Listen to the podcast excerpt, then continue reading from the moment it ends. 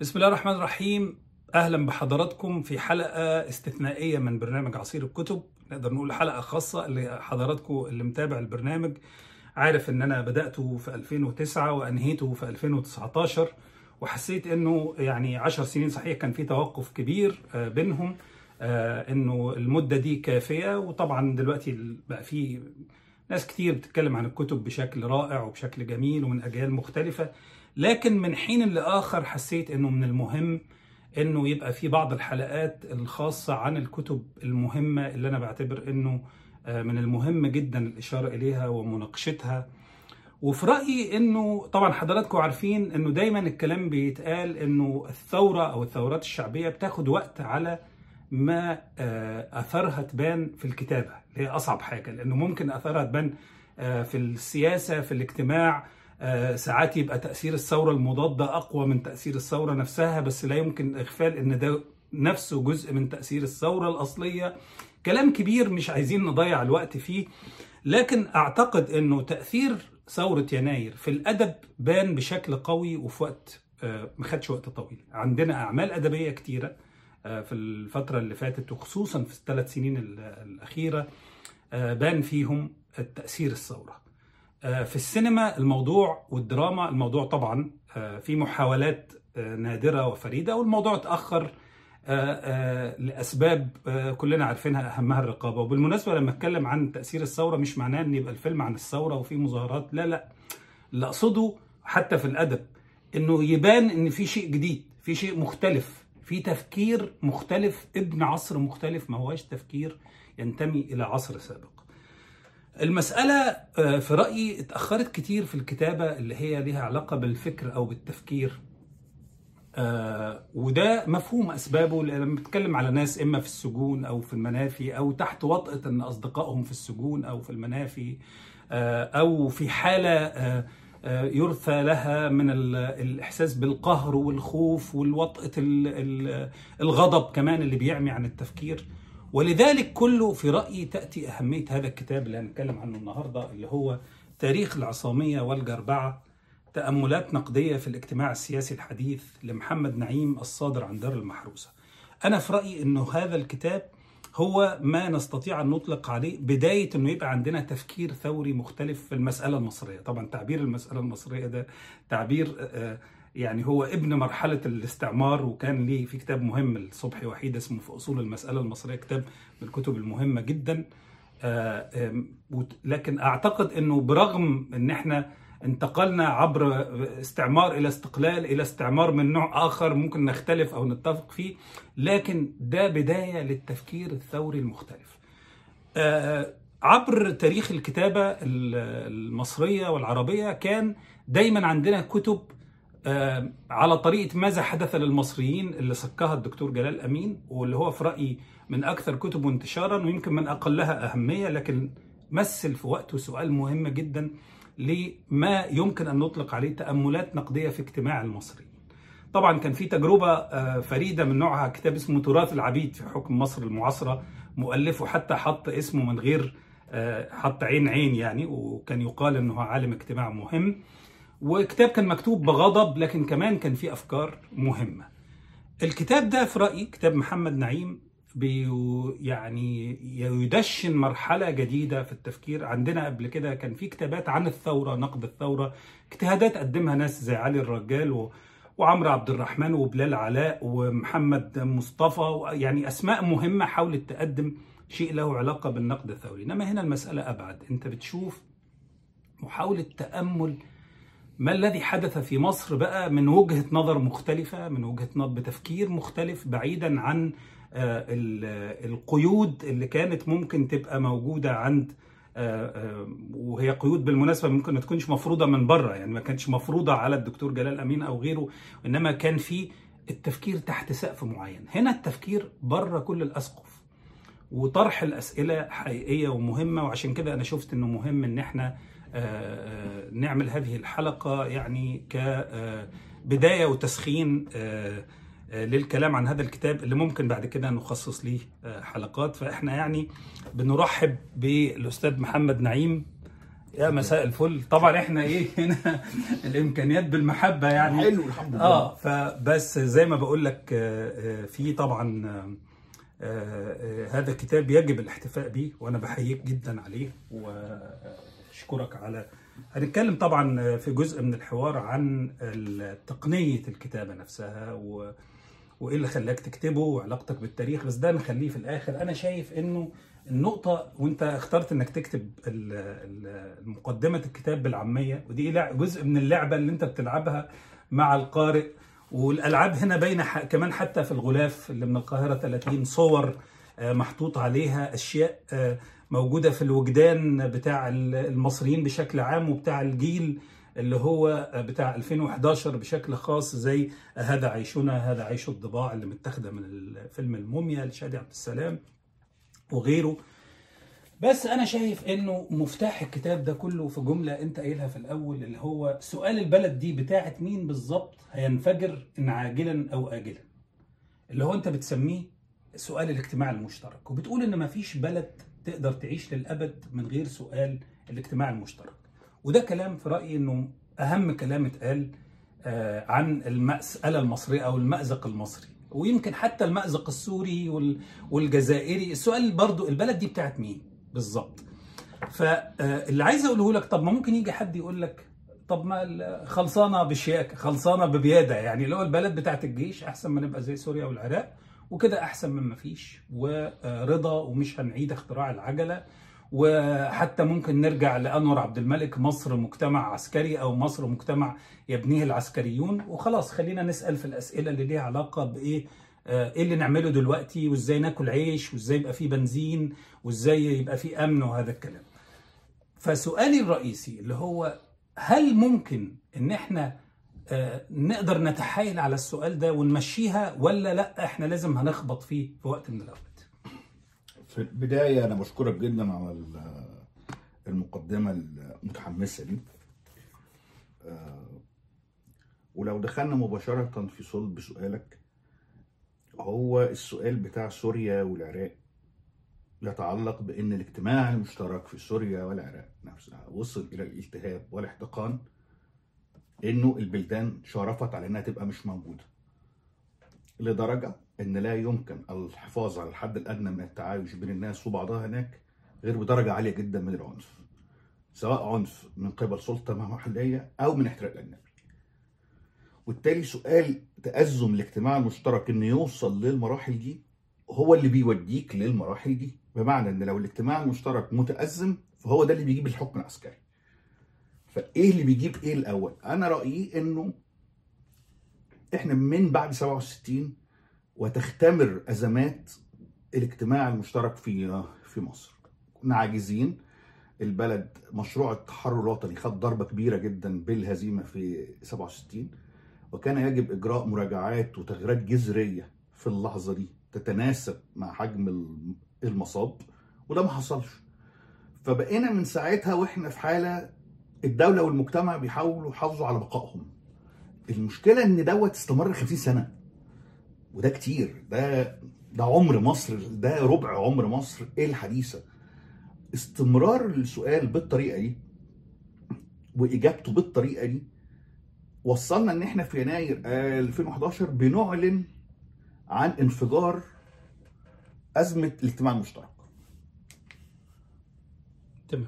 الإعلان دوت ما تجاوبش عليه إحنا لما ده حصل في يناير ده ما ترتبش عليه إن إحنا نجيب هذا السؤال طرحناه وفشلت القوى المدنية والبرجوازية المصرية وطبقة رجال الأعمال والطبقات الوسطى والجيش كمان سويا إن هم يجدوا صيغة البلد دي تجاوب على هذا السؤال إجابة تخليها تعرف تكمل شوية لقدام. تعثر هذه الإجابة بعد يناير 2011 بتناسب المسؤوليات أفضى في الآخر لصيغة إن إحنا إحنا هنحافظ على الاجتماع المشترك دوت بالعنف بالسلطه العسكرية. وبالتالي السلطة العسكرية موجودة عشان ما يخيل لها إنها الحفاظ على الاجتماع العام المشترك وعلى الدولة اللي بتسير عملية الاجتماع المشترك. هينفجر هو منفجر هو لأنه منفجر فده حاصل. السؤال اللي بيحصل دلوقتي هو إن المجتمع ده بيحصل له تغيرات وتطورات وديناميكيات جديدة في ظل الحكم العسكري. إحنا مش فاهمين هي إيه نتيجة إن ما بقاش في إعلام مفتوح ونتيجة إن ما بقاش في دراسة حرة. البلد بتتغير وإحنا مش شايفين تغييرها. ده ممكن يفضي ليه؟ الله أعلم. بس هيفضي حتما إلى صيغة إحنا مش فاهمينها. أوكي. فبالتالي اللي انت بتطرحه انه اللي متصور ان إحنا آه آه يعني حسمنا السؤال على الإجابة على السؤال ده بالعكس ده الإجابة الحكم العسكري. هو معناه إن الانفجار حصل حصل والحكم- بالفعل. والحكم العسكري هو محاولة للسيطرة عليه. محاولة ليه لتثبيت أوضاع لا يمكن تثبيتها وفي نفس الوقت تأجيل إجابة الأسئلة بتاعة الاجتماع المشترك. يعني إيه الاجتماع المشترك؟ يعني إن إحنا 100 مليون. ال 100 مل- مليون دول. لو أنت عندك ديمقراطية نص نص معناها إن على الأقل في 30 40 مليون من ال 100 مليون دول بيتحركوا في حياتهم بحرية بدرجات منها ده مش حاصل في مصر. إحنا ما عندناش 20 30 مليون من المية بيمارسوا نفسهم بشكل صحيح. حر وطبيعي صحيح. صحيح. طيب أنا آه، آه، طبعا آه، يعني هركز الكاميرا عليك. معلش يا جماعة إحنا عندنا إيه ال- ال- آه الظروف الفنية يعني فاستحملونا شوية. تمام؟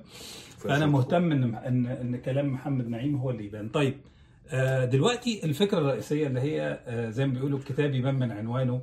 وأنا رأيي إن ده ممكن كتاب يبان من عنوانه الفرعي أكتر ما يبان من عنوانه الرئيسي لأن أنت بتقدم تأملات نقدية في الاجتماع السياسي الحديث.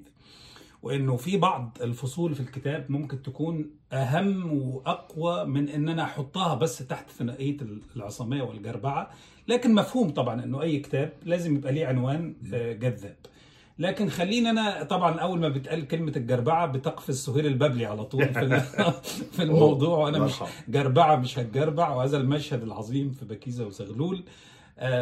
فعايزك تشرح للقارئ المهتم بقراية الكتاب انت قصدك إيه بالثنائية دي العصامية والجربعه هو أنا واخد خط من مما أعتبره بداية مصر الحديثة آه، اللي تحول فيها 90% من سكانها أو فوق ال 90% اللي هم كانوا فلاحين فقراء معدمين غير متصلين بالعالم نتيجة موجة التحديث اللي عملتها دولة محمد علي إن هم توفرت ليهم فرص للترقي الاجتماعي لأول مرة. الفرص دي كان أساسها هو توفير التعليم العام الالتحاق بجهاز الدولة والالتحاق بج- بجهاز الدولة ساوى بعد مدة إن هؤلاء الفلاحين البسطاء المتعلمين بقوا راسهم برأس سادتهم الأتراك. ودي كانت مسألة مش موجودة خالص قبل كده. فالالتحاق بالدولة والأهم هو الالتحاق بالجيش لأن في الآخر الجيش أنت معاك دبابات أو تمام. معاك ألايات فأنت شريك وده حتى اللي كنت أشرت له إنه ما كانش مسموح للمصريين إن هم يترقوا فوق رتبة النقيب آه، لحد عهد الخليفة سعيد آه. أو أو واللي هو بعد كده اعتبر البعض إنه ندموا على أسرة عشان عرابي على طول هو يا دوب هي ما- فاتش مظبوط. 15 سنة كان احمد عرابي فالفكرة إنه توفر للمصريين فرص للارتقاء والتحول الاجتماعي وفقا لم- لمعايير ما بين قوسين تحمل داخلها فضائل الكد والعمل والبحث عن المعرفة و- والتعليم واغتنام الفرص الحميدة. وبالتالي كانت رحلة الصعود الاجتماعي للمصريين الفلاحين رحلة يفخر بها الناس. تمام. رحلة إحنا شي... و... و... و... ورحلة تقدمية لأنك بتقاوم الظروف تقاوم وضع تاريخي سابق هو ظالم ليك بالتعريف وظالم بالمعنى الميلودرامي يعني إحنا كنا بنتعلق على شجر نتضرب بالكرابيك اللي هو فعلا. ال- الكلام اللي في الوصيه اللي يعني. في, في أيوه بنتعلق على بنتعلق على شجر بنتضرب بالكرابيك فعلا. آه. ف إن إحنا نتحول هذا التحول نغتنم كل الفرص بهدوء مش شرط يبقى بعصبية مش شرط يبقى بصراع. وفي رحله مدتها 70 80 سنة نبتدي على تسعينات القرن ال 19 تبقى في بوادر حركة وطنيه مصرية ووجود لبرجوازية زراعية وحضور للمسألة الوطنية ال- إيه المصرية اللي هي بتعبر عنها؟ تمثيل الفلاحين. تمام. في المقابل الرحلة ديت ما هي ما كانتش رحلة مثالية وفقط. ما هو في عملية تحول اجتماعي تمت عن طريق الفساد والإفساد. والوشاية والخيانة وغيره يعني. وال... ولعق ال- آه صحيح. كل حاجة. آه. و... والإنعام السلطوي آه، اللي من الخديوي أو من الطبقة الحاكمة إنك إن يبقى في مجموعة الحاكم أو الخديوي أو الملك يقرر ان, إن هم دول هيبقوا هم دول النخبة الاقتصادية. فيمنحوا أراضي ومش عارف إيه وكده. وفي كمان إنه عملية التحديث اللي بتتم في مصر كان في أطراف بتقاومها. لأنه كمان من الفضائل العصامية في مصر على عكس ما يقال عن إن المصريين ما بيحبوش التغيير والمصريين ما يتب- ما بي- ما بيتبنوش الأفكار الأخرى بسهولة لا مش صحيح. إحنا خلال القرن 19 آه، وأنا ضارب مثل في الكتاب إحنا في بداية القرن 19 عبد الرحمن الجبرتي بيوصف محاكمة سليمان الحلبي وهو مش فاهمها بيقول هو إزاي الفرنساويين دول راجل قاتل كبيرهم آه فين بقى ال- السيف اللي يقصه على طول ومعترف بإنه قتلهم آه طب أنت ليه بتعمل له محكمة؟ طيب وليه جايب ثلاث قضاة؟ وليه جايب له محامي هو ما كانش فاهم بقى حكايه المحامي ده أيوة. خالص بقى. هو الراجل معترف أصلا فأنت من 1800 لحظة 1800 واحد من أهم مثقفي مصر مش قادر يفهم موضوع المحكمة بموضوع آه، بشكلها الحديث ده إنك في ستينات القرن 19 60 بنا بس آه، سنة بس بقى في ناس في مصر بتقول نفسها قوميين ووطنيين وديمقراطيين وليبراليين واشتراكيين. يعني حصل طفرة صحيح. معرفية كبيرة وبقى. القانون والمحاكمة بهذا الشكل اللي هو. جزء من الواقع المصري. ومحدش بيسأله خالص. صحيح. بل وأصبح في القرن العشرين قيادات التغيير كلهم محامين وبيستندوا إلى القانون وبيتعاملوا حتى مع الثورة بوصفها قضية رايحين يترافعوا عنها بره يعني. بالظبط. برافو. فهي الفكرة هنا إنه لا المصريين آه، سواء المتعلمين آه، نتيجة التعليم الميري أو اللي أرسلوا في بعثات أجنبية لفرنسا تحديدا أو الطبقة العاملة ال- المصرية اللي احتكت بعمال وحرفيين أجانب آه، خلال فترة القرن 19 برضه وصل لهم الأفكار العمالية والاشتراكية وكده. فلا المصريين كانوا بيتعرفوا على العالم بسرعة وبيتبنوا الأفكار الحديثه بالرغم إن السلطة طول الوقت ضد ده. okay. طول الوقت كانت بتحارب دوت بالذات لدى الفئات الاجتماعية ال- الأدنى أو خارج النظام التعليمي الرسمي يعني. حلو. آه، في المقابل انت عندك نسبة ضد دوت. آه، هتعتبر طول الوقت انه اي تبني لفكرة جديدة من اول انها بدعه لحد ما القوالب نامت والانصاص قامت لحد لحد انت مين انت عشان تعمل كده. نفس الناس دي هي اللي بتاخد الثروة بالانعام السلطوي أو بالفساد أو بالاجرام الاداري. الجربعه هنا بقى أنا كنت محدد لها لحظات. انه لما المجتمع بيحاول يعمل قفزات لقدام عن طريق كتل طليعية في زي مثلا محاوله دستره الحكم في مصر أيام آه، أحمد عرابي. و... ودوت كانت عملية وطنية يعني فيها قطاعات من البرجوازية الزراعية وبعض النخب والبشوات المصرية والتركية بالمناسبة. آه، وهزمت هذه المحاولة.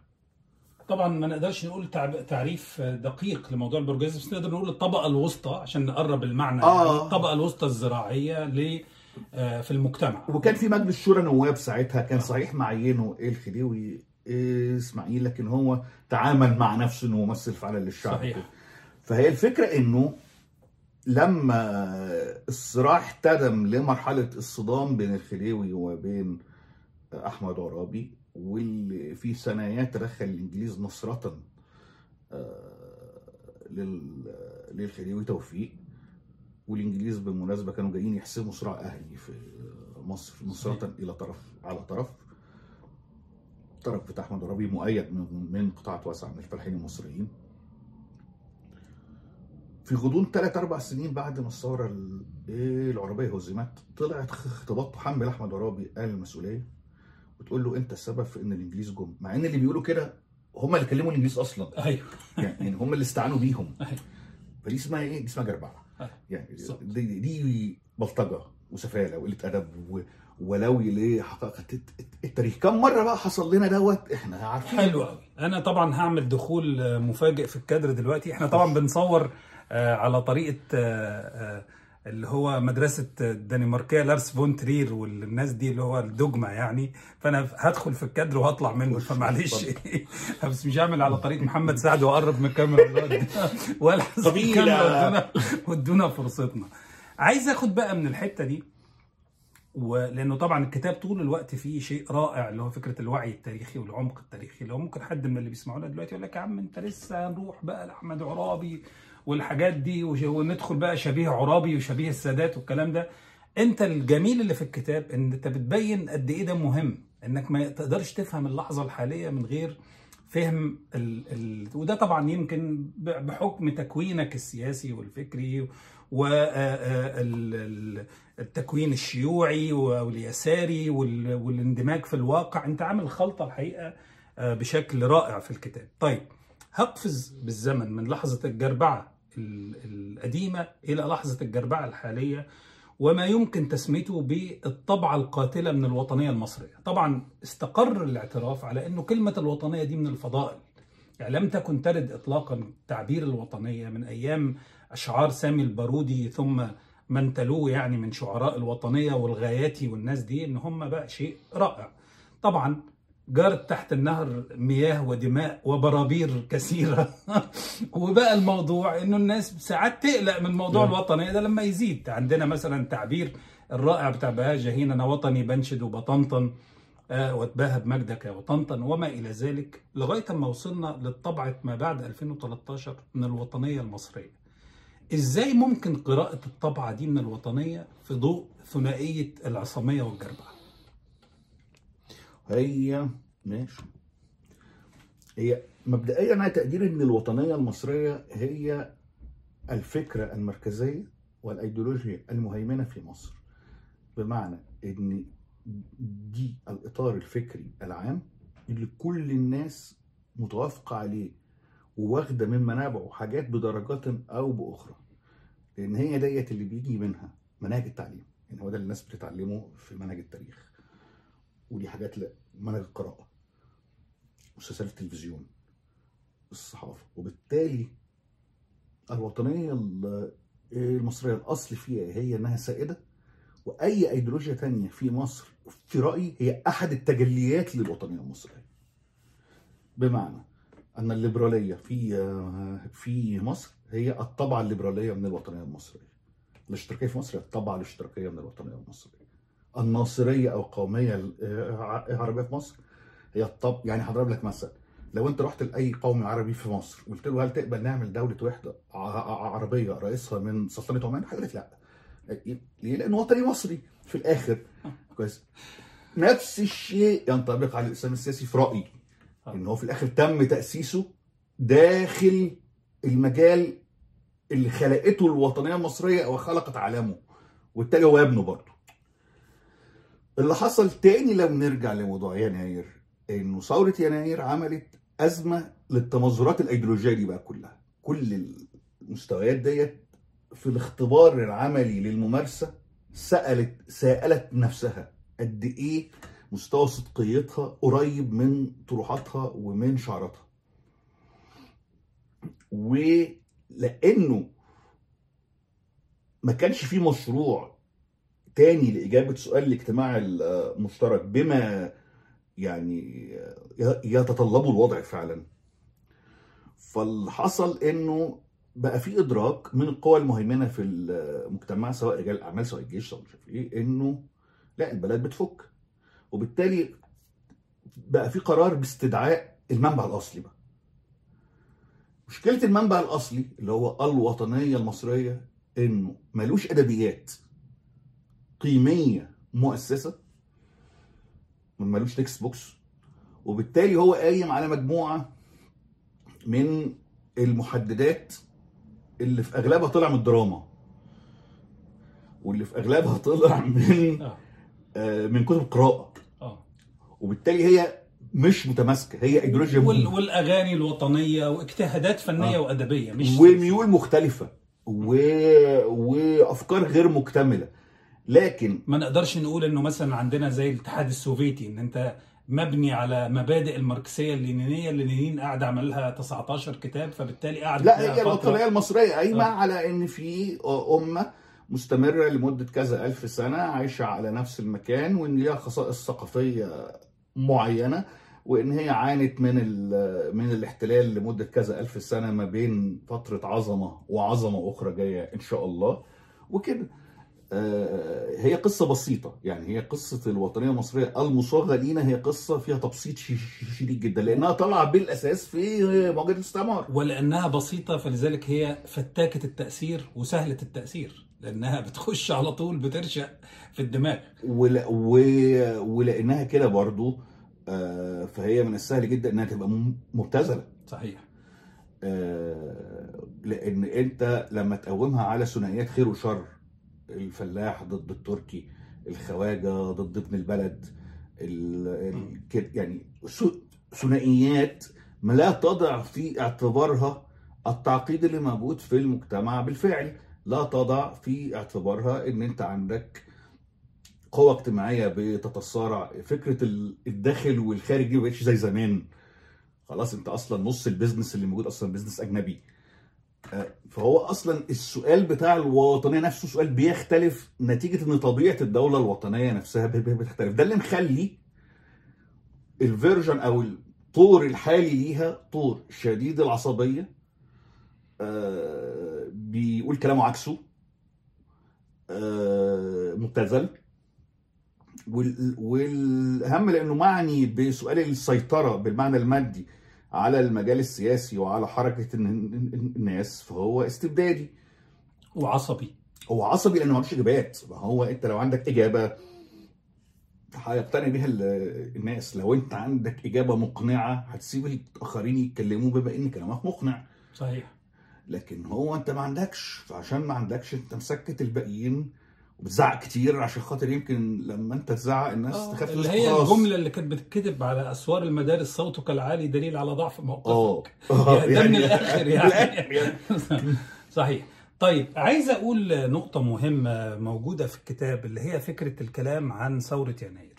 وطبعا آه، يمكن الكلام بقى ساعات يسد النفس وساعات يحزن من كتر ما هو سطحي ومبتذل وفكرة الثنائيات. طول الوقت أنت عندك ثنائيات. النصر والهزيمة اليأس والأمل آه، النجاح والفشل. من الأشياء الرائعة اللي في الكتاب إن أنت بتحاول تناقش وبتشرح التأثير العميق اللي عملته ثورة يناير في نفوس أعدائها وكارهيها ساعات حتى قبل المؤمنين بيها. طبعا. وده بيبان في تجليات من أبرزها إنه السيسي أكتر واحد بيجيب سيرة ده صحيح. 2011 وثورة يناير ومن غير مناسبة. ويمكن في في المرتبة التالية بيجيب سيرة رابعة يمكن حتى لو ما سماهاش بنفس الاسم آه، لكن دايما بيجيب سيرة يناير 2011 2011 وبيستدعيها ساعات حتى ما يبقاش في مثلا قرارات اقتصادية مؤلمة جاية أو كذا هو بيجيبها من اللاوعي طول. الوقت موجودة أنت بتطرح هنا فكرة مهمة جدا في الكتاب اللي هي فكرة أتمنى إنك تشرحها لل اللي بيتفرجوا علينا لغاية أما يقروا الكتاب اللي هي فكرة الجمهورية المعطلة. مم. وإزاي ممكن آه، آه، ندرك إنه أهمية ما بعد يناير في حكاية الجمهورية المعطلة؟ لأن الناس حتى لو كانوا بيحبوا يناير ففي الآخر مش هحب يناير أكتر من ولادي ولا من مستقبل أحفادي ولا كذا. أنا عايز أركز في اللي جاي. اشرح لنا شوية فكرة الجمهورية المعطلة. الموضوع يرجع ل 52 إحنا مصر زمان لما كان فيها حكم ملكي. لما تأسست المملكة المصرية سنة 23 الفكر بالرغم إن المفروض إن الدستور كان بيقول إن الأمة مصدر السلطة بلا بلا بلا. لكن في الآخر شرعية الحكم الملكي هي مستندة إلى التراث السلطاني الإسلامي اللي موجود قبل كده. إن الملك هو الخليفة. وهي فكرة يمكن إنها تحتوي شعب غير موجود. والشعب لسه خديج غير مكتمل. فوازنين بعض. في ملك يرعى رعيته وفي شعب إحنا عايزين نطوره ونحدثه ونخليه آه، يعني أكثر تقد- تقدما لحد ما تبقى الام مصدر سلطات فعلا. اللحظة اللي بيتم إعلان فيها الجمهورية آه، في الخمسينات في 53 هي لحظة أنت بتعلن فيها إن الشعب موجود.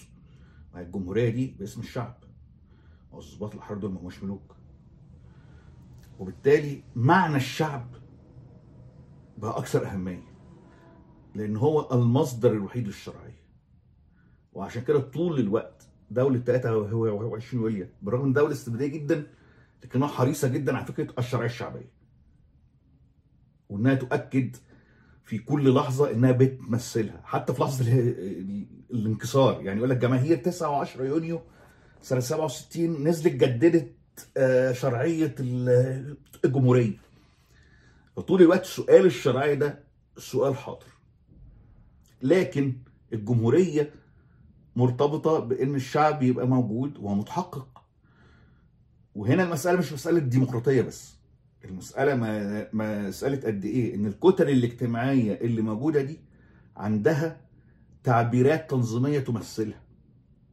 يعني زي كده فيلم واسلاماه لما جه الراجل كاتبوغا ده قال لك لما أكلم شعب مصر أكلم مين؟ ما هو في الآخر شعب مصر ده ما هوش قطز وما هوش بيبرس أنت لما هتيجي دلوقتي تكلم شعب مصر ما أنت مفيش حد بيكلم 100 مليون بني آدم. ومفيش حد بيكلم ميدان على فكرة. يعني فكرة إن الميدان هو الشعب دي فكرة مش صح. ومفيش حاجة اسمها إن الشعب هو صندوق الانتخابات لأن صندوق الانتخابات ده بيتغير سنة عن الثانية وده اللي حصل في في مصر. أنت في 2011 التيار الإسلامي اخذ نسبة عالية. في 2012 نجح في انتخابات الرئاسة على الحركرك في 2013 كان واضح جدا إنه أقلية. وبالتالي حتى الحالة حالة الصناديق بتتغير بالذات في لحظات فيها سيولة والناس مش مدوره في. اتجاهات وكده. طيب ففين الشعب؟ ده الشعب موجود في تنظيماته. الشعب ده موجود لما أنت تقول إيه هو فين الطبقة العاملة؟ فتلاقي نقابات عملاء فعلا بتمثل العمال. تلاقي نقابات مهنية فعلا بتمثل المهنيين. إنك تلاقي روابط التشجيع. فعلا بتمثل جمهور الكورة. كل ده في الآخر هو اللي يخليك لما يبقى في قرار حاسم عايز تاخده تكلم هؤلاء الممثلين الطبيعيين لكتلهم الجماهيرية. فالشعب موجود بقدر ما هو منظم. مش إنه ناس كده متنطورة في الشوارع وفي الميادين أو ناس أنت بتكلمها بتل... بالميكروفون. فإحنا في مصر عندنا مشكلة إنك أعلنت الجمهورية وأجلت الشعب. الله. الشعب هو المؤجل والشعب مؤجل لأن قدرته على التنظيم والسماح له بتنظيم نفسه والتعبير عن مصالحه مش موجودة. والدولة عمرها بالذات في مكان زي مصر الدولة عمرها ما تقدر تحل محل الشعب كله. لأن أنت يعني زي كده في فيلم مواطن مخبر وحرامي قال له أما أنا مش ممكن أجيب لكل عسكري عسكري تاني يحرسه. أيوة. فأنت 100 مليون. الطريقة الوحيدة عشان تجيب لكل عسكري عسكري يحرسه إنك تحبس الناس في بيوتها وده العصر دلوقتي. أنت مانع كلام في كل حاجة وأي حاجة وأي موضوع وأي مسألة سينما بقى كورة. اللي هو وضع مش طبيعي حتى مش بتاع استبداد عادي فالجمهورية مؤ- مؤجلة لأن الشعب بس مؤجل. كمان أنت عندك اللي يعني خلينا نقول بتعبير راقي اللي أزرط من كده. اللي هو إنك عامل ده وبتضحك على نفسك فعامل كأن في نقابات وكأن في مجلس شعب وكأن وأنت عارف إن أنت عامل الحاجات دي كلها فأنت بتضحك على نفسك وبتشتغل نفسك وبتحاول تشتغل الخواجة اللي أنت بتشتري منه سلاح فإنه لأ ده كله موجود. لا كلها لا هي يعني- هي هي ما بقتش نافعة كده. هي يعني هي هي واضحة. آه، الحالة التنظيمية في مصر متداعية جدا. والتداعي بيعبر عن نفسه بقد إيه الأمن بيتدخل في كل حاجة. ما هو ما هو الأمن ما بيتدخلش بس من أجل الاستبداد هو بيتدخل لأنه شايف إن التشكيلات دي مش أهل إنها تمثل نفسها. فاهم؟ يعني ما هو فكرة التدخل جاية إنك شايف إن الناس دي مش قيمة على على روحها. مستهفئهم مش شايفهم أهل للتمثيل. العملية دي شغالة من الخمسينات وهو ده اللي خلانا بالمناسبة بعد 67 لحظة الهزيمة الناس نزلت في الشارع وبس. تقول آه ولأ زي محسنه توفيق كده آه. في فيلم آه، عصفور. لأن أنت لو كان عندك في اللحظة دي قدرة على التمثيل كان الناس عرفت تناقش الهزيمة بشكل مختلف. صحيح صحيح صحيح. الله ينور عليك. ودي نقطة كمان مهمة يعني أنت لقطت مشهد اللي هو اللحظة بتاعت آه و- ومحسنة توفيق اللي هي ممكن وصلها باللحظة بتاعت النوم في العسل. آه. والسؤال الشارع وسؤال عدم قدرة على التمثيل اللي هو بعدها بعقد اللي هو سؤال الثورة أو بعقدين سؤال الثورة واللحظة بتاعت الميدان اللي فضل ناس كتير عالقين فيها. يعني مرة كتبت اللي هو العالقون في الثورة هو مش قادر يخرج بره تصور الميدان. السيسي دلوقتي بيلعب لعبة اللي هو ميدان طيب حتى لو الميدان طلع البسه أنا عندي عاصمة جديدة وساعتها أنا ممكن أضربك بالطيران زي ما عبد الناصر كان بيفكر يضرب مظاهرات آه 68 بالطيران 68 فبقت الحكاية أعقد بره سؤال ال- الثورة وشكل الميدان وما إلى ذلك. في نهاية الكتاب أنت بتطرح عبارة وبتقول إما اكتمال الجمهورية أو الفوضى.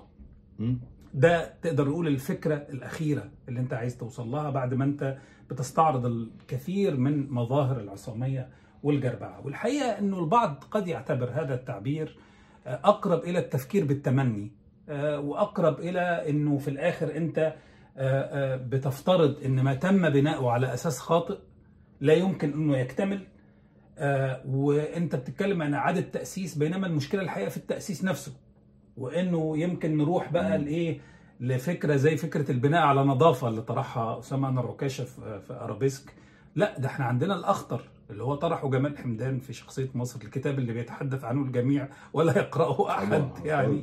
وكان قايل حاجة فكرة الحقيقة هي من أهم وأخطر الأفكار في الكتاب إنه مصر يمكن ألا تشفى ولا تموت. واللي هو نقدر نقول إنه آه، أملنا في إنه الانحطاط هيجيب آخره وهنوصل إلى نتيجة معاكسة للانحطاط. لا ده إحنا عندنا الأخطر اللي هو ممكن دوام الانحطاط الذي يؤدي آه، آه، إلى التحلل والتعايش مع الانحطاط. إزاي بترد على الفكرة دي؟ هو بصراحة الرد على دوت عايز وقت كده. هقول لك ليه.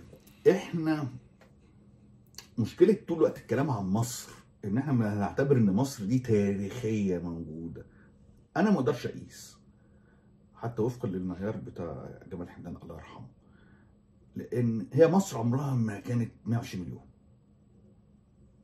أول مرة تبقى 120 مليون الان ومصر عمرها ما كانت 50 مليون. ولا 30 مصر ديت ابتدت يبقى عددها فوق السبعة 8 مليون من نص القرن ال 19 فإحنا بلد جديدة.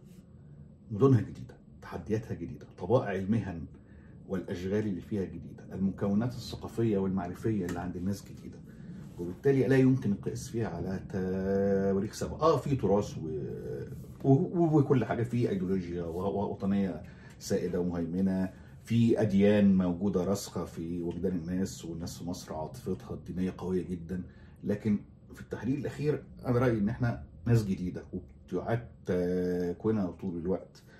ورأيي كأن ان إحنا طول الوقت بنتحرك لقدام مش لورا. بمعنى إنه إحنا ما كانش عندنا جمهورية بقى عندنا نصف جمهورية. يعني تقديري إنه محاولة يوليو هي إعلان جمهورية مؤجلة بشعب مؤجل. جت يناير حاولت تستكمل الطريق نحو الجمهورية دي. تعثرت الخطوه دي. المشكلة دلوقتي إن إحنا بنرتد عن نصف الجمهورية لأقل من نصفها. إحنا بنرتد إلى صيغه شبه الحكم السلطاني شوية. حتى وعشان كده هو مش كذاب لما قال جمهورية جديدة لأن ده شكل جديد خالص هو يعني. ما فيش جمهورية جديدة حد بيقول آه. فيها آه إن إن ربنا هو اللي آه. اتني ملك آه لما حد بيقول إن ربنا هو اللي اتني ملك وهو اللي هيسحبه مني ده كلام ملوش أي دعوة. بالجمهوريات صحيح بس ويمكن مفهوم الجو... الجمهورية الجديدة اللي بيتصاغ في ال... في الإعلام دلوقتي كده مع مقصود بيه زي كده عربية جديدة يعني زي مدينة جديدة شوارع جديدة لكن هي الجمهورية حاجة مش مش كده يعني ويا ريت أنا ما عنديش اي يعني تا... إيه هي الجمهورية الجديدة؟ أنا موافق إحنا أنا موافق على طرح الشعار إيه هي بقى قيم ومبادئ وأسس إيه الجمهوريه الجديده؟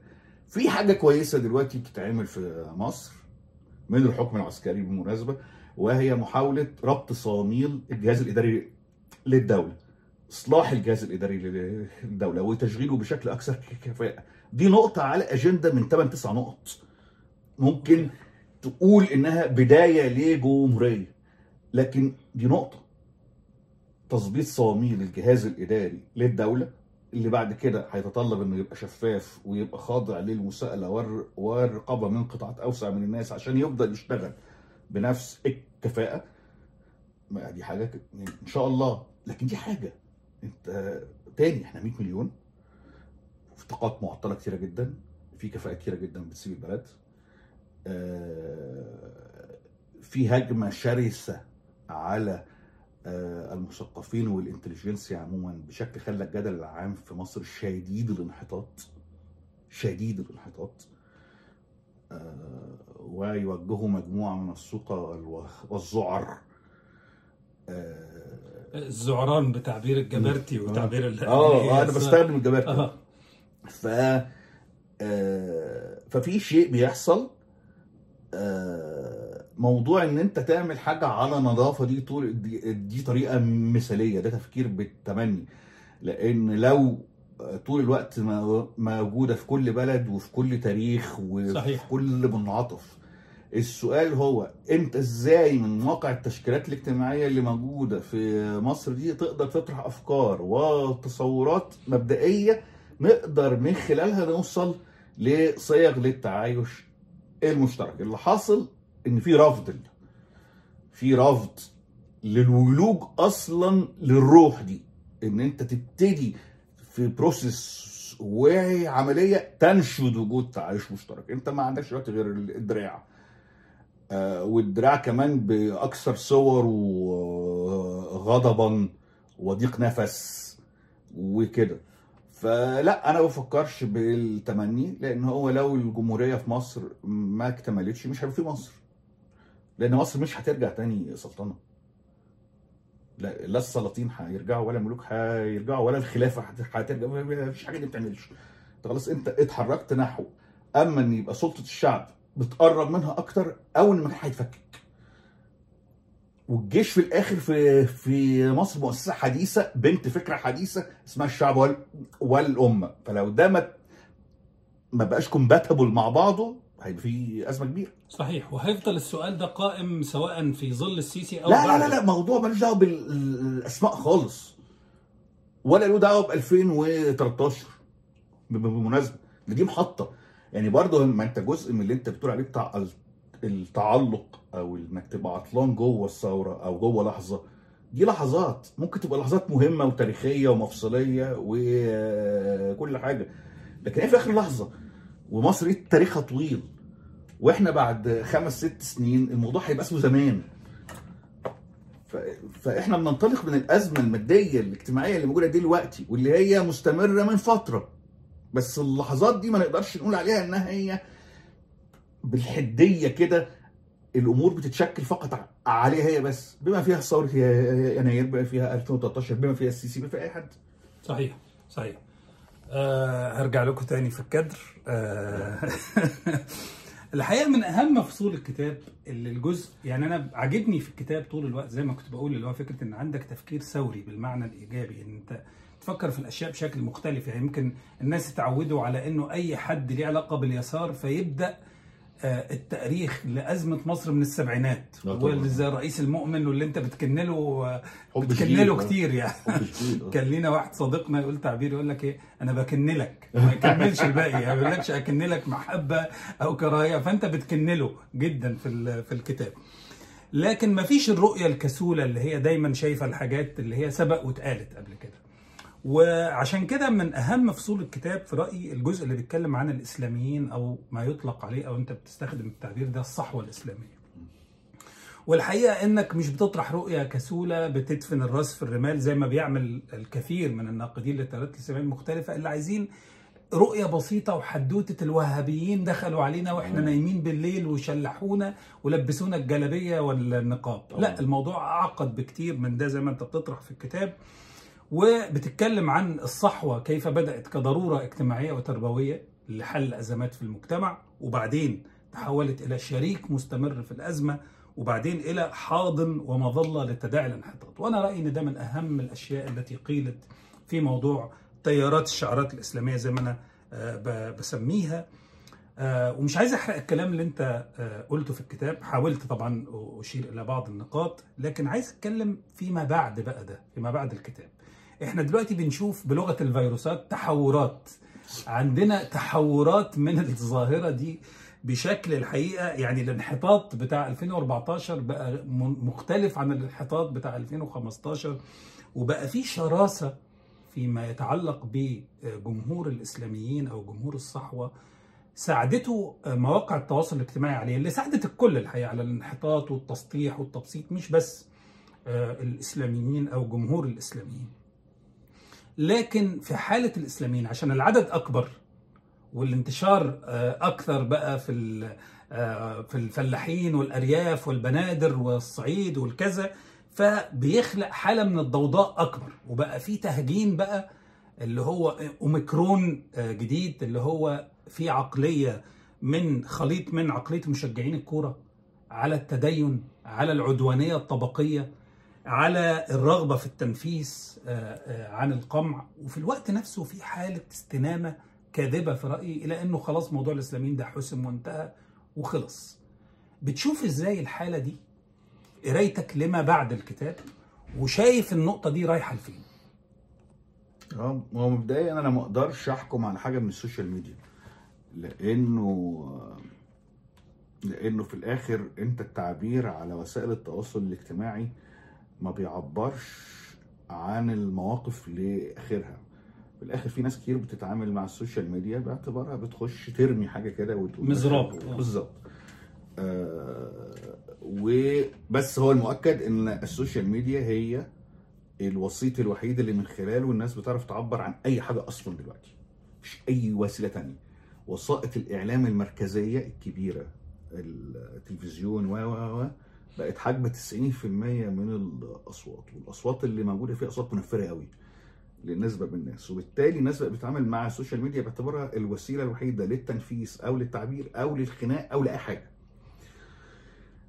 ده خالق شراسة زيادة عند كل الجمهور عموما. إحنا كلنا مخنوقين ناس مش مستحملة بعض.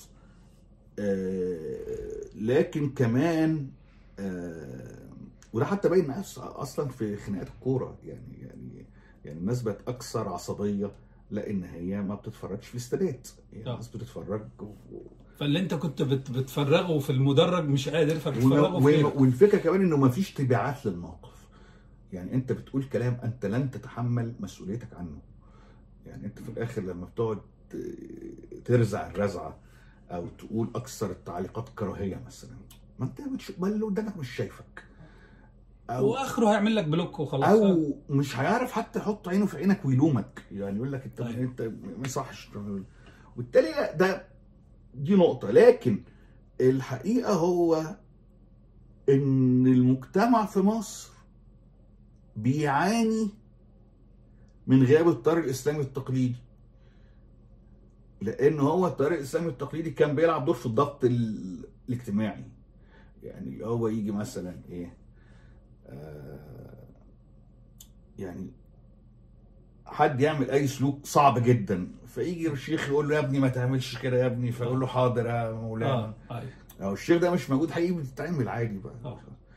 قصدي إنه آه، من السبعينات حالة الضغط الاجتماعي اللي غرضها آه، هو إنك تخلي المجتمع محافظ على محافظيته وما يطرحش أسئلة ليها دعوة بالتقدم أكتر وبالتالي أسئلة ليها دعوة بطبيعة علاقاته الاجتماعية عاملة إزاي؟ لا دور التاريخ الإسلامي كان مهم جدا آه، على ضبط المسألة دي قدر الإمكان وغيابه مخلي الشرطة هي اللي تلعب الدور ده. يعني حضرتك مثلا آه، النزوع المحافظ في الجامعة زمان كان هيجي طالب منتمي للطريق الإسلامي يقول لولد وبنت قاعدين جنب بعض يا أخي انت ليه قاعد جنبها مش عارف إيه وكده. دلوقتي ما بقاش فيه الطريق الإسلامي. فالولد والبنت دول هيقعدوا جنب بعض وبعدين جه واحد حضن خطيبته في الفالنتاين. قام الجامعة فصلها وممكن تحبسه. بمعنى إيه؟ بمعنى ان إن اللي بيحل محل الطريق الاسلامي هو الشرطة. آه لا اطرداه لأختك بقت سياسة بقت بقرارات أمنية. وده اللي بيخلي إن مثلا بنات إيه، تيك توك يتحبسوا. ياخدوا عشر سنين. يعني اللي هو ما كانش هيحصل قبل كده. آه انت في عندك بالتعريف في مزاج محافظ في المجتمع هو موجود له نسبته من السكان لأن هو مصر بلد زي أي بلد في الدنيا فيها أمزجة وتيارات وميول زي أي مكان إحنا مش استثناء.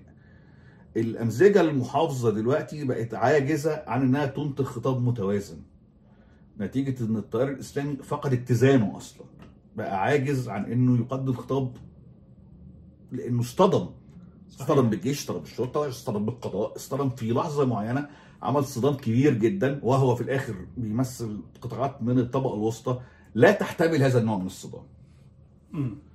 لا تحتمله. وبالتالي ال- الجمهور الواسع ليه اللي هو جمهور ما يقلش عن تلت الناس على الأقل وتلت الناس في مصر يعني حاجة و30 40 مليون بني آدم. ده قد خمس ست شعوب عربية ببعض. بقى تايه مم. وبالتالي ما الإجابة بقاش فيه ممثل يعني هضرب لك مثل ما بقاش فيه ممثلين أخلاقيين. ورموز محل إجماع. صحيح. الكل بقى فعلا صحيح. ما بقاش فيه يعني أنت زي ما كنت تقول الشيخ فلان والشيخ علاء أنت فعلا مقتنع إنه إنسان كويس فعلا مقتنع انه راجل فاضل. آه حد دلوقتي يش- يشاور لي على رمز عام في آه، مصر من الطريق الاسلامي أو من غيره. صحيح صحيح. من الصحوه أو من غيرها. ما فيش. ده صحيح. وهو ده آه، ممكن يكون آه، آه، مؤشر على وجود تقدم وتعقيد بس في نفس الوقت هو مؤشر على وجود أزمة هو في أزمة طبعا. بنت لذينة عشان الليلة تمشي عشان هو وهو. في أزمة سببها إنه الطريقة التقليدية في السيطرة على الناس اخلاقيا وسلوكيا وحركيا اللي قايمة على القهر والتخويف والإشعار بالذنب وعزل الناس عن نفسها وعزل الناس عن العالم ما بقتش ما بقتش نافعة. اولا عشان في حاجة اقتصادية ثانيا عشان خاطر السعودية و... والخليج هيقفلوا الحنفية بتاعة الصحوه هم بالفعل قفلوها. الحاجة الثالثه هو الانترنت الناس بقت بتتكلم مع مع بعض. أنت ينفع؟ خلاص ما بقاش في قدرة على إنك تعزل الناس في حاضنة خطابية بعينها. ما يعرفوش يخرجوا براها. اللي بيحصل ناس بتخرج براها فبتصطدم بالعالم. يا إما بتعمل رد فعل عصبي جدا يا إما بتتغير بالتدريج بس دي سنه الحياة عموما يعني. صحيح صحيح. آه، من النقاط المهمة اللي أنت طرحها في في الكتاب والحقيقة أنا يعني بس لولا ضيق الوقت مش عايزين نستفيض يعني آه، إنك آه، وعايز أشير إليها. بتتكلم على الدور الحقيقة يعني الإجرامي. آه، يمكن أنت ما استخدمتش التعبير ده لعبته. ما يطلق عليه الصحوه الإسلامية في تسطيح القضايا وتمييع الصراع الحقيقي في المجتمع. 40 سنة. 40 سنة. إحنا لسه بندفع ثمن ده لحد دلوقتي من أول آه، آه، كولوت آه، في فيلم آه، إلى مش عارف مايوه إلى بتاع إلى يعني في دور الحقيقة آه، يمكن لأنه الإسلاميين فضلوا لفترة طويلة تحت آه، وطأة قمع الدولة فما تحاسبوش بالشكل اللائق. لا أيام مبارك ولا أيام دلوقتي على اللي لعبوه في تسطيح وتمييع الصراع وابعاده عن القضايا الاجتماعية الحقيقية. 40 سنة من نص السبعينات. صحيح. محسوب إن التيار الإسلامي هو الأكبر. والصحوة ما كانتش مجرد التيار الإسلامي. الصحوة الإسلامية فيها مزاج ديني من جوه الدولة. وداخل الجهاز ال- والشعراوي وغيره. طبعا دي كلها أفعال وردود أفعال. والتيارات الإسلامية ما كانتش تيار واحد. كان في الإخوان وفي الجماعة الإسلامية وفي التبليغ صحيح. يعني في مليون يعني في طيف كبير جدا. صحيح. وكل ما إحنا بنتناقش في القضايا بتاعتنا بشكل حقيقي كل ما الناس هتدرك مدى التعقيد إنه ما ينفعش تقول قال له أصله الزحف الوهابي وبس. لا لا لا. أو إنك تقول إسلام الدولة وبس أو إن أنت تقول الإخوان وبس أو هي الصحوه كانت. فعلا صحوة. يعني صحيح. هي تستحق اسمها. صحيح. لأنها كانت جاية من كل حتة ومأثرة في كل حتة. صحيح. يمكن أنا بقول النقطة دي بس عشان أرجو اللي يت- بيتفرجوا علينا يعني رجاء حارا. إحنا طبعا آه، آه، ده نقاش محكوم بزمن وأي نقاش بطبيعته فيه اجتزاء. فأرجو عدم الحكم على ال- الأفكار اللي إحنا بنطرحها. من فضلكم ارجعوا للكتاب. الكتاب فيه رؤية غنية تستحق النقاش. مش بنقول إن هو كله آه، يمكن تأييده لكن أهم ما يطرحه الكتاب في رأيي هو إنه منطلق للنقد والتفكير. وده ال- وده أهمية الكتاب. وعشان كده آه، أنا آه، حريص على هذا الحوار. آه، وعايز وإحنا بنوصل كان لختام على اللي أنت بتقوله. دوت.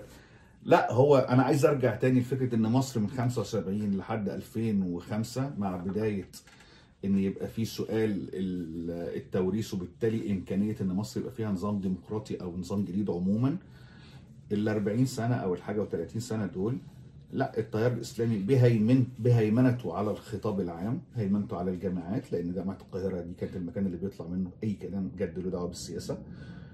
الهيمنة ديت لم تفضي إلى إن إلى إنتاج خطابات سياسية وتصورات سياسية وبرامجية وحركية تصطدم مع بلد بيتفشخ بينحط بينهار. في أسئلته في أسئلته اليومية العادية محل الإجماع. سؤال النقل سؤال المواصلات سؤال الأسئلة بتاعت الحياة اللي ملهاش دعوة بالإسلام وبالعلمانية عشان هي الدنيا ما هيش كده بس.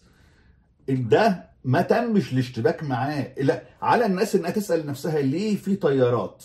كان لها هذا قدر من الهيمنة الاجتماعية. والسيا- والسياسية فضلت بال 40 سنة مستنية شوية عيال تطلع في في 2011 عشان خاطر ده يطرح تاني. صحيح. كنا بنعمل إيه خلال دوت؟ وليه؟ وليه ده ما اتقالش؟ الناس محتاجه تفكر في ده. صحيح. كلام مهم جدا وده ده ظهوري قبل الأخير في الكدر يعني آه، عايز أسألك محمد زي ما أنا قلت إنه أنت المهم في الكتاب إنه أنت طول الوقت التأصيل التاريخي والعمق التاريخي موجود.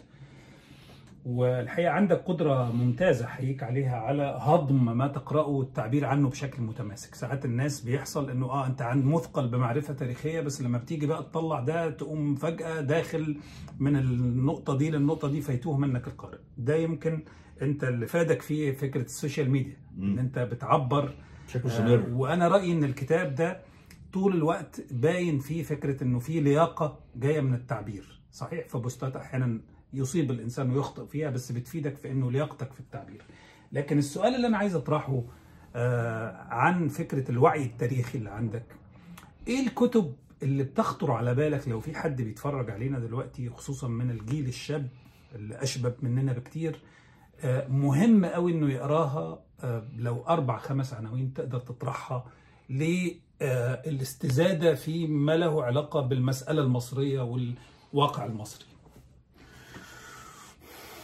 حتى لو مش عايز تقول عناوين ممكن تقول أسماء مؤلفين. ممكن طبعا لا في طبعا في كل شغل طارق البشري كل شغل سمير أمين آه الشغل عادل العمري آه شغل آه، سامر سليمان الله يرحمه آه يعني نقدر نقول مثلا آه، النظام القوي والدولة الضعيفة لسامر. سليمان. نقدر آه نقول النصريه في الثورة المضادة. لعادل العمري لعادل العمري نقدر نقول الحركة السياسية في مصر لطارق ل- لطارق ازمه المجتمع العربي لسمير أمين. سمير أمين. آه ممكن أقول كمان آه آه، في أصول المسألة المصرية في, مثلا. في أصول المساله في أصول المسألة المصرية الصبحي و- ووحيدة وكتاب تطور الحركة الوطنية بتاع محمد صبري السربوني كويسين عشان يفهمونا التفكير الوطنية المصرية ابتدى إزاي؟ يعني وهي ال- الأيديولوجيا الوطنية المصرية وهي بتتبلور في الأول أبائها دول بيصيغوها إزاي؟ تمام. عظيم جدا. طبعا أنت ذكرت طارق البشري وكان ليك مقال مهم عنه بعد. ما توفى عشان الناس اللي ساعات بيحصروا بس طارق البشري في المزنق ال- العجيب والغريب اللي هو بتاع كتابة الدستور ما بعد 2011 فأنا أحيل القارئ المشاهد ليه. وأنا أحط في التعليقات آه، آه، طبعا آه، صفحة صفحة الكتاب على جود ريدز وإزاي أنت تقدر تلاقيه وهكذا. لكن كمان هحط ال- ال- الصفحة اللي بيجمع فيها محمد نعيم كتاباته وبيتيحها على الإنترنت واللي تقدر تلاقي فيها الامتداد لكتاباته من أول يمكن 2005 آه من وما بعد- 2005 من 2005 وما بعد. فتقدر تتعرف عليه آه، آه، بشكل مباشر وتقدر تروح بعد كده على ال post آه، آه، على ال- الفيسبوك وتشوف البوستات بتاعته وإيه وتطلع. وتقول له كل اللي نفسك فيه. فده إن شاء الله كله هحطه في الكومنتات أو ال description بتاع الحلقة. آه، سؤالي الأخير اللي عايز آه، آه، يعني المشاهد اللي بيتفرج علينا وإحنا وصلنا إلى نهاية هذا الحوار إنك تكلمنا بشكل موجز كده ومختصر عن تكوينك الفكري والسياسي وعلاقتك بالكتابة بدأت إزاي؟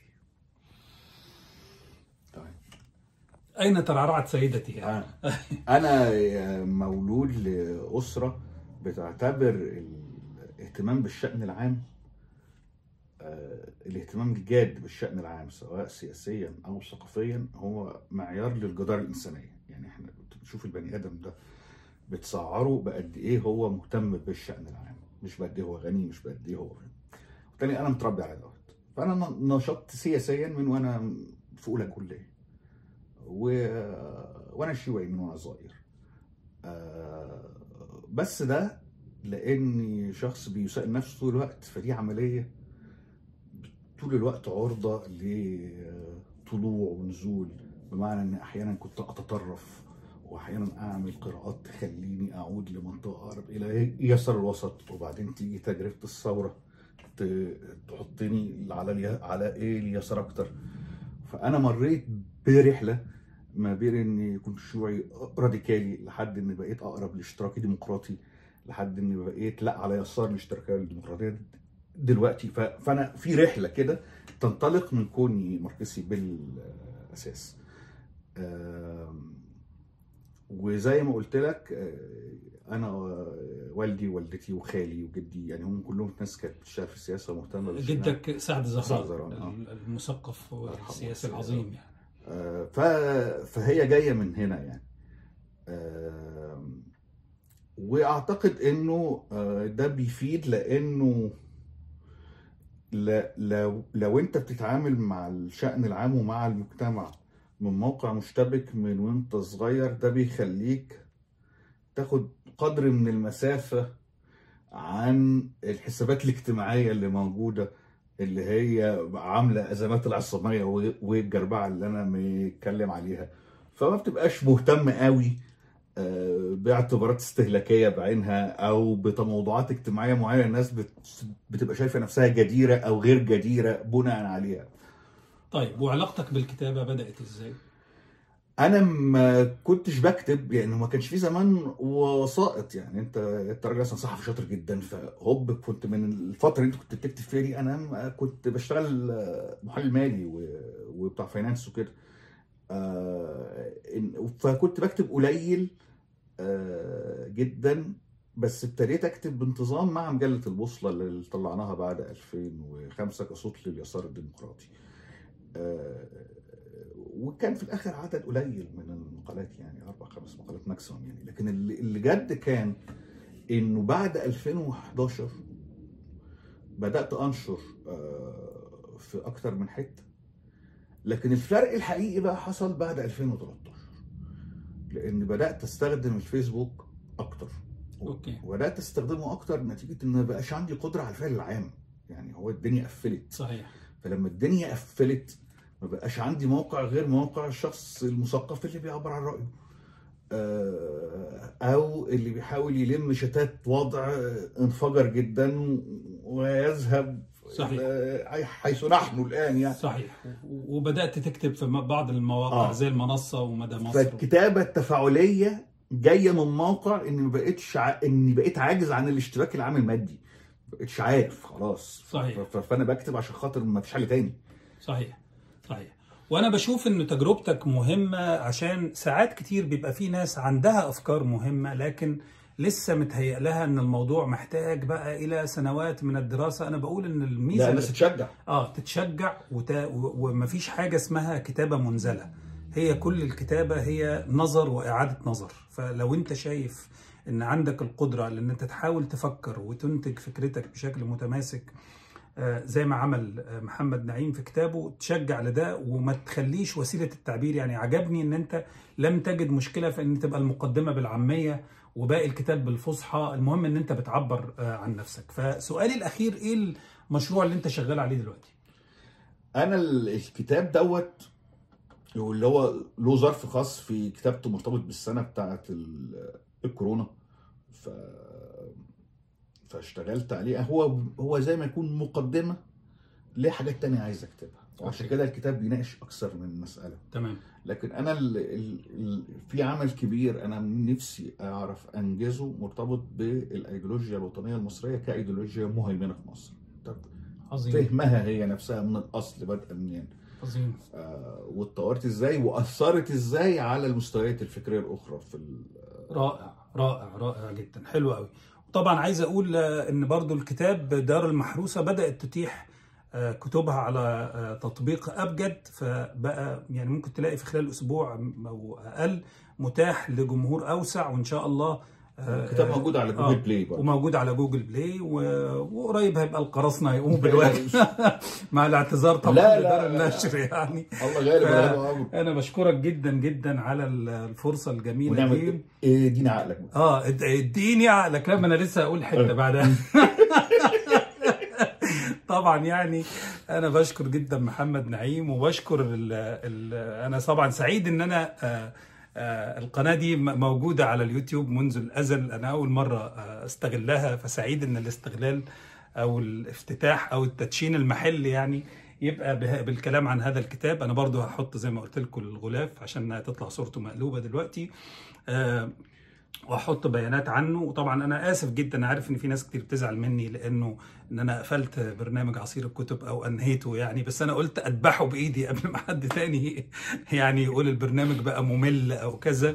وده طبعا هاجس طول الوقت عندي اللي هو فكرة إيه الجديد اللي يتعمل. لكن أوعدكم إن شاء الله إن يبقى في حلقات آه، آه، من حين لآخر. لكن هيبقى التواجد المستمر أو الجديد هيبقى بداية من السنة الجاية لأن أنا دلوقتي مشغول في حاجة بخلصها. لكن من حين لاخر يبقى لينا آه، إطلالات على آه، بعض الكتب وبعض آه، آم، كتاب آه، موجود في المكتبات تاريخ العصامية والجربعة تأملات نقدية في الاجتماع السياسي الحديث. طبعا في ناس من حضراتكم تعودوا على إن أنا في البرنامج كنت بقرأ فقرات.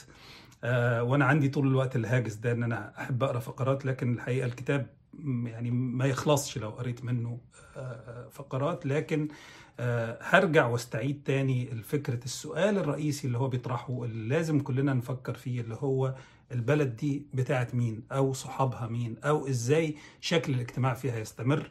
دي محاولة للإجابة.